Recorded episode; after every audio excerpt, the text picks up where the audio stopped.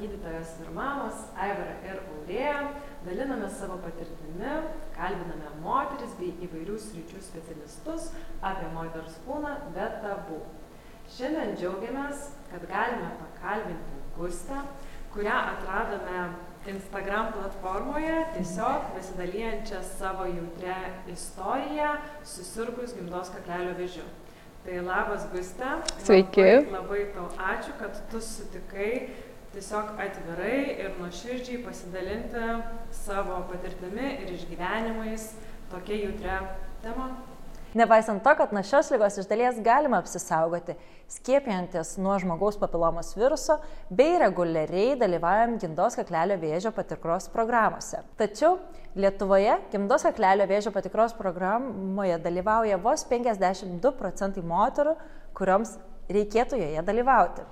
Tačiau čia yra tik tai skaičiai, vidurkiai, o šiandien turime galimybę paklausyti artimai ir praktiškai, kaip pasikeičia gyvenimo kokybė, kokie jausmai, kokios emocijos užplūsta, kai yra diagnozuojama gimdos kaklelio vėžio diagnozė.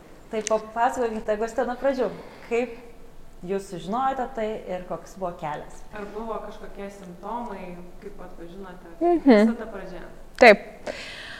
Tai gal turėčiau pradėti iš tikrųjų nuo 20 metų. 20 metais dalyvau irgi programoje būtent e, ir, ir mane pakvietė, vat, būtent išsitirti, ar, ar, ar, ar, ar, ar, ar, ar turiu, aš jau prieš tai žinojau, kad turiu e, žmogaus papilomo virusą, tai dar toliau, dar toliau pradėkim nuo 2000, aš 2008 metais aš, aš sužinojau, tiesiog draugė pasiūlė, bet sako, yra mano gynekologė, rašo, ginasi disertaciją būtent apie gimdos kaklelio vėžį, būtent e, apie žmogaus papilomo virusą ir sako, galima nemokamai pasiskiepyti. Sakau, puiku, why not? Einam.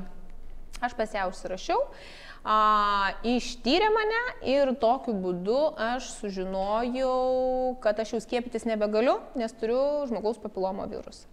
Na ir aš po to pradėjau vaikščioti pas tą gynekologę, sekti mano tos rodiklius, ar ne, imunitetas e, nukrenta, vėžinės lastelės buvo jau, tai vadinami CIN, ar ne, tai automatiškai buvo darytas konizacijos, ne viena, paskutinė 2015 metais.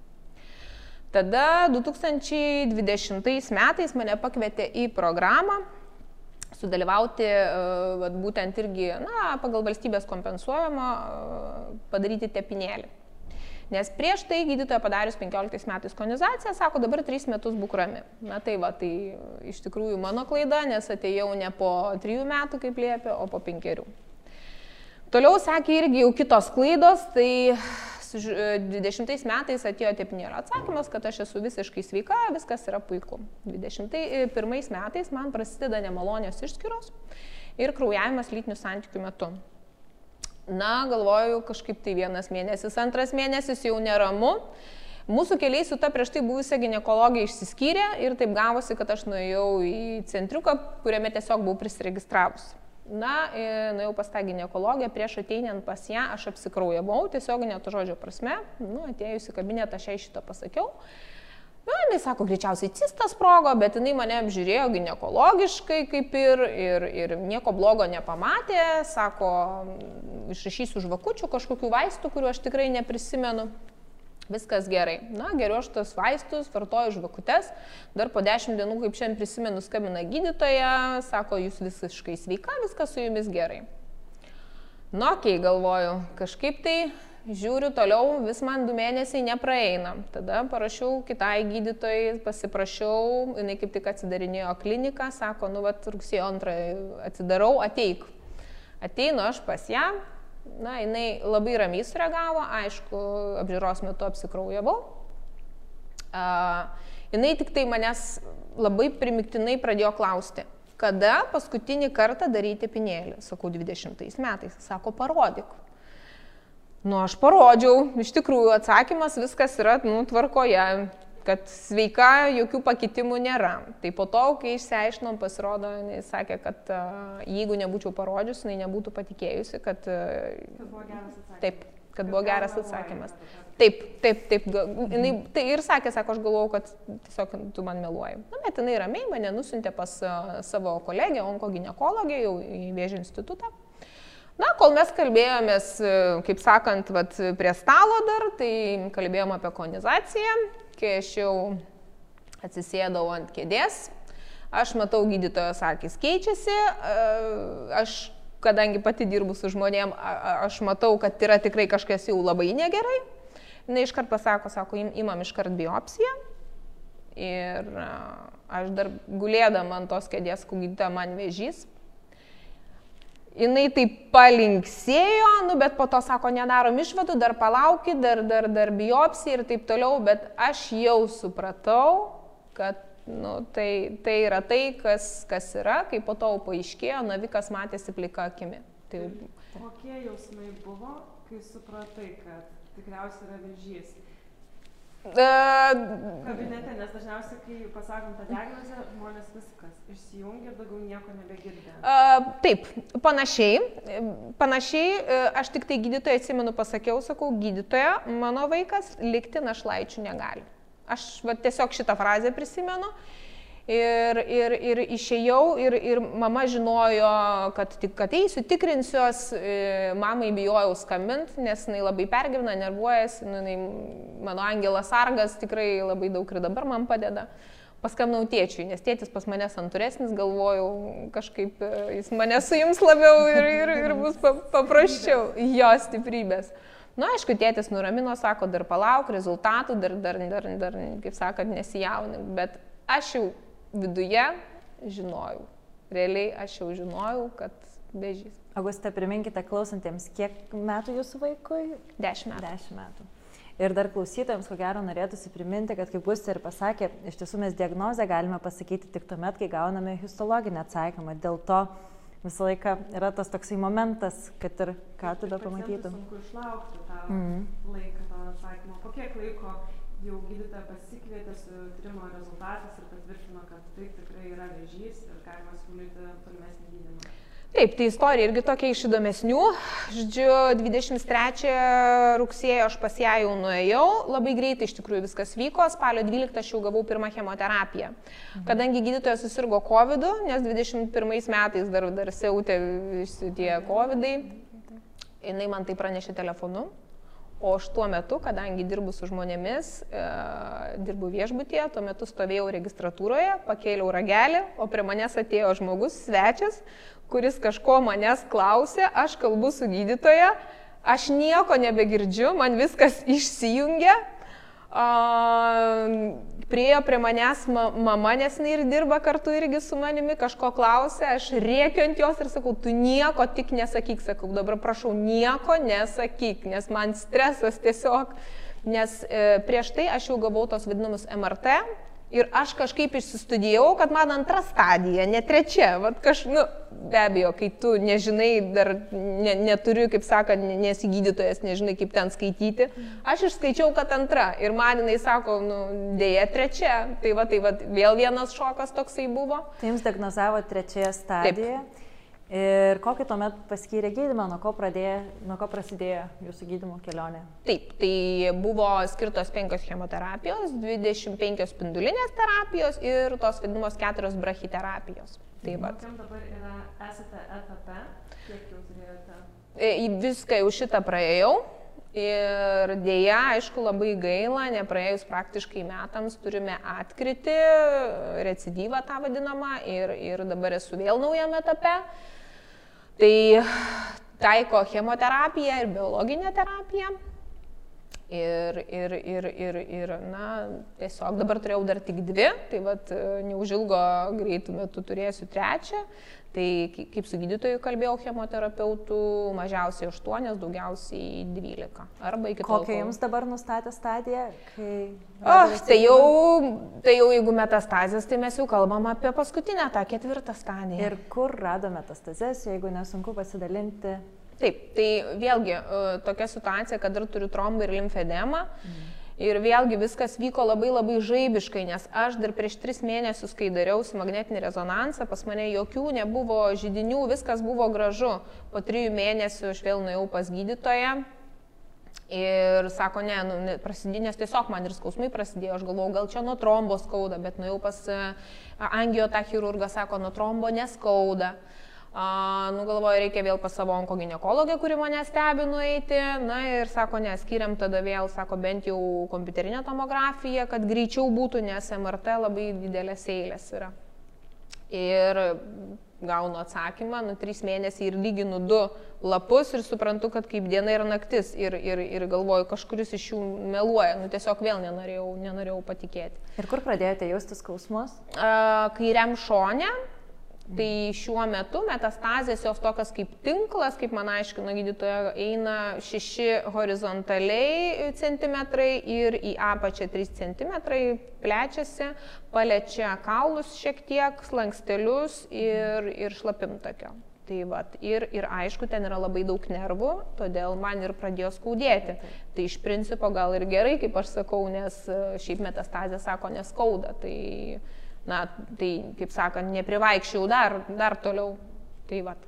O kaip jums sekėsi atlaikyti tą pirmą uh, spindulinės terapijos ir chemoterapijos uh, ciklą, nes tikrai pacientas, kai sužino šitą diagnozę ir yra skiriamas gydimas, labai bijo, kaip reaguos uh, organizmas, kaip atlaikysit, nes pakinta ir gali pakisti ir uh, sunkumas atsirasti šlapinantis, tuštinantis. Kaip mhm. Žinokit, pakankamai puikiai. Uh, nes dabar, kaip pavyzdžiui, vat, dabar kalbėjau su chemoterapeutu, tai sakė, ta pirma chemija, kurią tu gavai, tai ten gilytės, nes iš tikrųjų nenukrito net plaukai. Tai manęs nepykino, nuo spindulinės, nuo spindulinės mygdydavo labai, tai labai dienom miegodavau, bet iš principo tai buvo silpnumas bendras, silpna būdavo.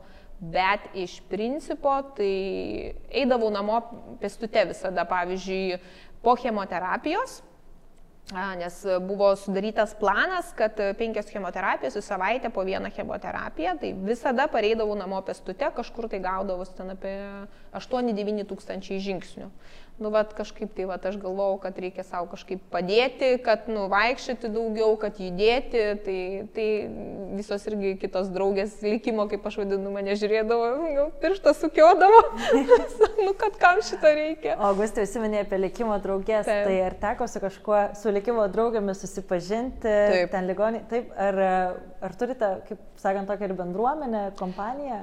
Taip, e, tokios kaip, bet kad bendrai ne, bet su kiekviena atskira atskirai, mes bendraujam ir iš tikrųjų viena gulėjo ligoniniai susipažinau, kadangi aš tai tik dienos stacionare mhm. lankiausi, bet jau kai brachitos terapijos būdavo, tai reikdavo gultis parą į ligoninę.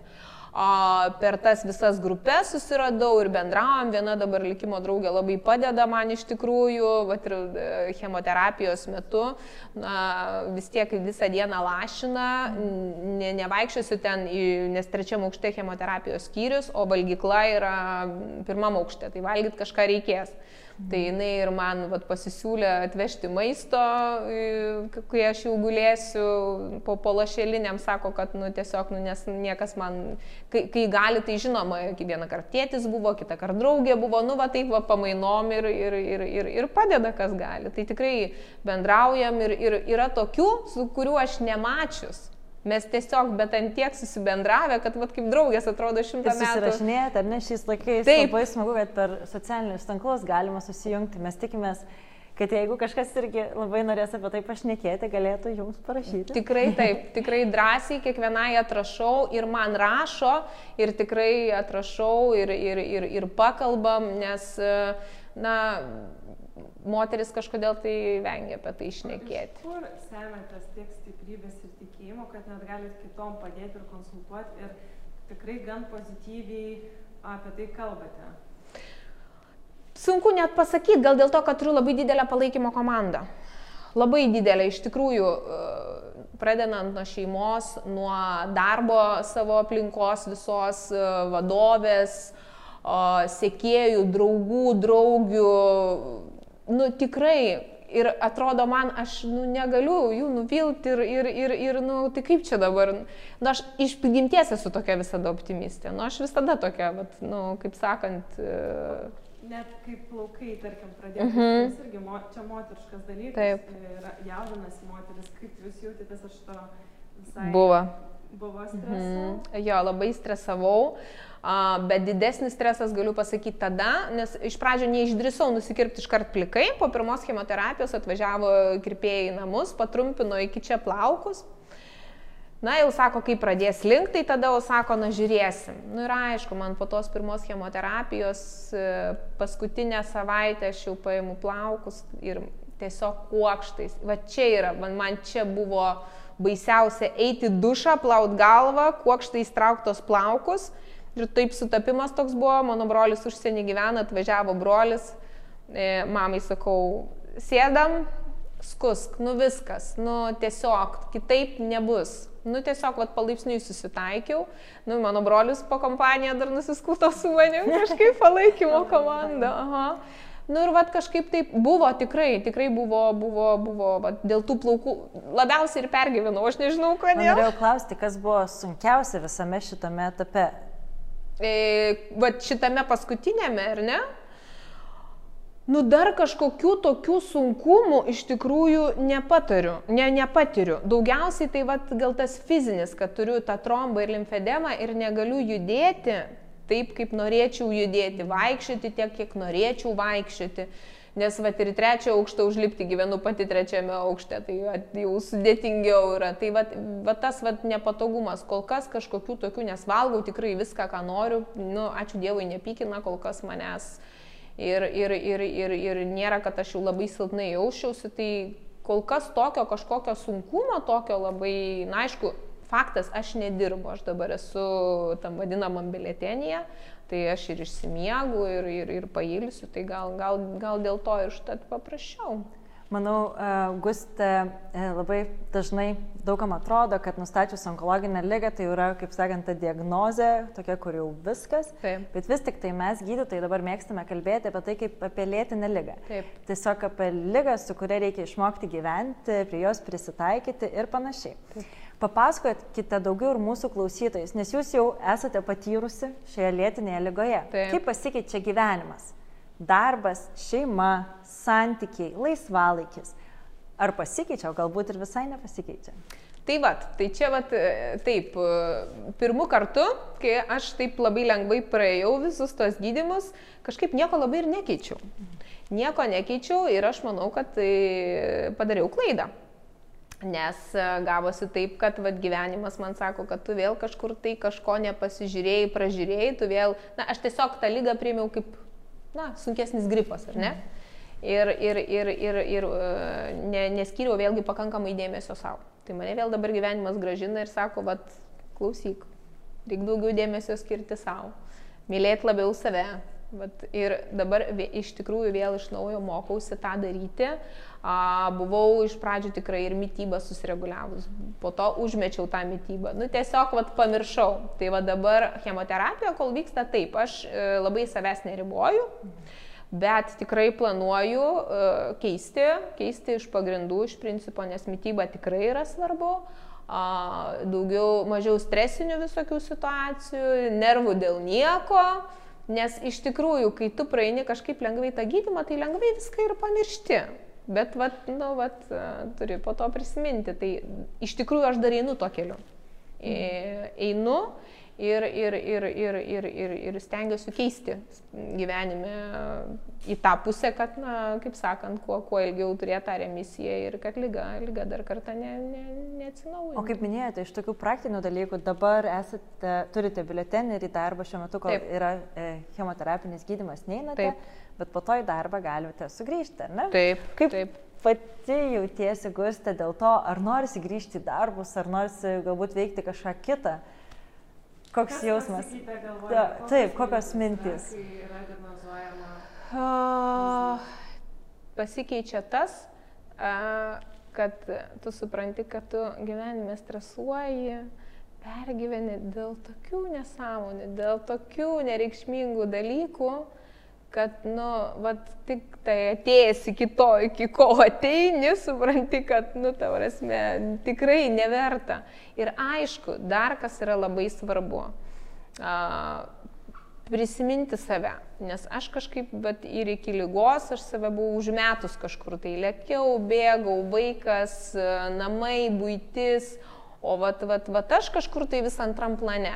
Tai vat, tai vat, e, visų pirma, sakau, tikrai mažiau streso, nu, neverta, nes vat, aš irgi iš tų tokių stresuotojų arba, na, kitą kartą tu gali neparodyti to streso, bet viduje ten pas tave viskas verda. Tai va aš iš, iš, iš, vat, tų žmonių. Taip moteriškai, tas tūkstantis minčių ir užduočių ir viskas persina ir tu tik viena viską gali taip. ir niekas kitas be tavęs nepadarys ir tau reikia viską padaryti ir darbus ir dar turi padirbti viršvalandžius, nes kitaip visai nebūsi geras. Taip, taip. taip. Man labai įdomu, kadangi minėjai, kad uh, mama yra jautresnė, labai myli, rūpinasi. Taip, taip. Tai kaip sekėsi artimiesiems pasakyti šitą žinią tiek mhm. tėvams, tiek draugams, tiek vaikui, tiesiog aplinkiniams? Taip, tai uh, iš tikrųjų mama labai gerai sureagavo ir, ir, ir, ir, ir, ir, ir dabar jinai mane labai palaiko, nes man būtų skaudžiau jau iš tikrųjų, jeigu jinai verktų, stresuotų, o jinai atvirkščiai, jinai atvirkščiai labai mane palaiko ir sakė, mes išlaušim tą remisiją ir viskas bus gerai, tu net nepergyvenk, net, net neturėk kitokių minčių. Ta prasme, aš galvojau, kad mama sureaguos taip labai jautriai, bet jinai labai taip stoiškai laikosi. Aš tikiu, kad jinai paverkė kažkur, tai faktas, normalu. Bet sakau, kažkaip tai labai mane palaiko. Na, tėtis, brolis, jie vyrai, jie pergyvena, to švelnumo daugiau, tos e, globos tokios, vat, kiek įmanoma, nors jie gyvena užsienyje. Vaikas mano nežino kol kas, na, bandysim pas psichologus, bandys, bandom vesti pas psichologus ir, ir bandysim pasakyti apie, apie šitą situaciją, bet kol kas, kol kas. Draugai, draugai a, nepatikėjo iš pradžių, sakė, negali būti. nu, bet po to jau po, sus, susitaikė. Nu, taip, daug, daug, kam, daug kas ne, nepatikėjo iš tikrųjų. Kad, nu, at, ir dabar būn, kiti netikinu. Tikrai, matant tavęs, sunku patikėti, kad... Aš tiesiog žiūriu ir, šiaip esi labai labai graži moteris. Taip, nulieta. Tiesiog su šypsena kartais pasako tokius skaudžius išgyvenimus ir galvoju, kiek pas tave telpa stiprybės, pozityvo. Ir grožio. Šviesos, grožio, visko. Ir tikrai sunku patikėti. Čia tikrai perukas. Tu esi su peruku ar su... Su, su. jo, ir dar sakai limfedema ir aš irgi bandau, nu, nematau ir tu taip grakščiai. Bet Gusta, ko gero, e, klausys ir tos moteris, kurios eina panašiu keliu. Taip. Kokiu turėtum patarimų apie tam tikras sferas, apie kurias daug kas bijo kalbėti. Tokios kaip kad ir perukai ar lytiniai santykiai. O gal yra Taip. dar kokių temų, apie kurias žmonės visai neužsimena? Ir neturiu ko paklausti, mm. ne, ne, neranda internete informacijos, tiesiog nežino. Taip, tai, bet ir, ir, ir savo irgi puslapyje apie tos lytinius santykius irgi paliečiau šiek tiek vat, tą temą iš tikrųjų e, ir, ir, ir man rašo moteris ir, ir, ir, ir su atlikimo draugiam, kai išnekuosi, kad iš tikrųjų po, po praeito prae, prae, gydimo lytiniai santykiai moteriai tampa kančia. Tai tampa kaip tas pirmas kartas, kaip aš sakau, nuo kuriai moteriai patiko pirmas kartas. Nu, nei vienai tikriausiai nepatiko. Tai vad, tai ir, ir, o kaip gali būti kitaip, jeigu tavo visas gimdymas gimdos kaklelis, jisai yra kaip vienas didelis šašas. Žaizda. Taip, žaizda. Ir, ir, ir, ir mano viena irgi išlikimo draugų sako, žinai, sako, ten atrodo, kad kaip su šakom braižo, supranti, sako. Tai iš tikrųjų pasirodo yra, yra ne vien tik lubrikantai, apie kuriuos vat, gydytojai sako, nu tai panaudok lubrikantą ir viskas tau ten bus gerai.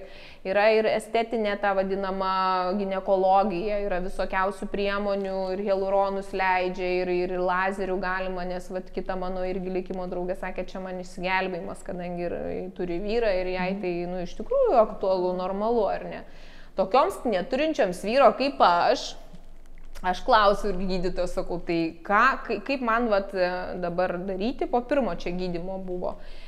Tiesiog, nusako, visų, baigėsi paskutinis tas brachiterapija, čia buvo paskutinis gydimas ir aš gydytos klausiu, gydytojo, tai ką man dabar daryti? Sako, eik ir gyvenk. Nu gerai, sakau, eiti ir gyventi, o kaip čia dabar gyventi. Na ir kažkaip išsikalbėjom e, apie vibratorius, kad e, moteriams, kurios neturi partnerio e, pastovaus ar ne, nu, bet ir gyvenimo ar ne draugo ar vyro, tai patarė naudoti vibratorius, kadangi iš tikrųjų yra ta problema ir gali pradėti lipti makštis, kaip nežinau, kaip čia gynekologiškai teisingai. Tai va tam, kad tas neatsitiktų, iš tikrųjų tą, tą, tą daryti reikia, nes, nu, iš tikrųjų mano atveju, nu, neįsi čia dabar, uh, kol susipažinsi, tai kaip čia dabar pasakosi tą visą istoriją, tai čia tu žinai, va čia, va čia taip ir taip. Nu, tiesiog, nu, tai... Labai labai gerą pavyzdį pasakai, bet kalbant apie tas visas procedūras, kaip estetinė gynekologija, lazerinės procedūros ir panašiai, tai yra visai dideli kaštai. Kiek taip. žinome, jos nėra e, ligoninių kasų kompensuojamos. Tikrai, taip, tikrai, ir apskritai, taip. kalbant apie šią lygą, gal galėtum trumpai papasakoti, ar atsiranda gyvenime papildomų išlaidų? Tikrai taip, tikrai atsiranda. Tai pavyzdžiui, aš naudoju vitaminą D, aš naudoju probiotikus, tas pats perukas, aišku, tai yra nenatūralių plaukų.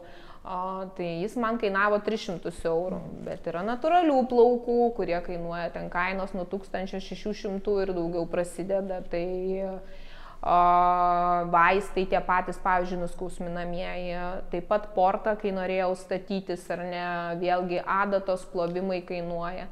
Tai nėra taip, kad viskas yra nemokamai. Tai yra, tai yra mokamai ir iš tikrųjų, aišku, aš tikrai nepeikiu ir nesakau, kai pas mus yra labai blogai, bet kur tobulėti ir pasistengti tikrai, tikrai yra, kur ir, ir, ir, ir, ir tos chem, pa, pa, visi vaistai, pavyzdžiui, ir net tos įvairios chemoterapijos, vėlgi, mes tikrai atsiliekam, mes atsiliekam su patvirtinimu inovatyvių vaistų, naujų vaistų.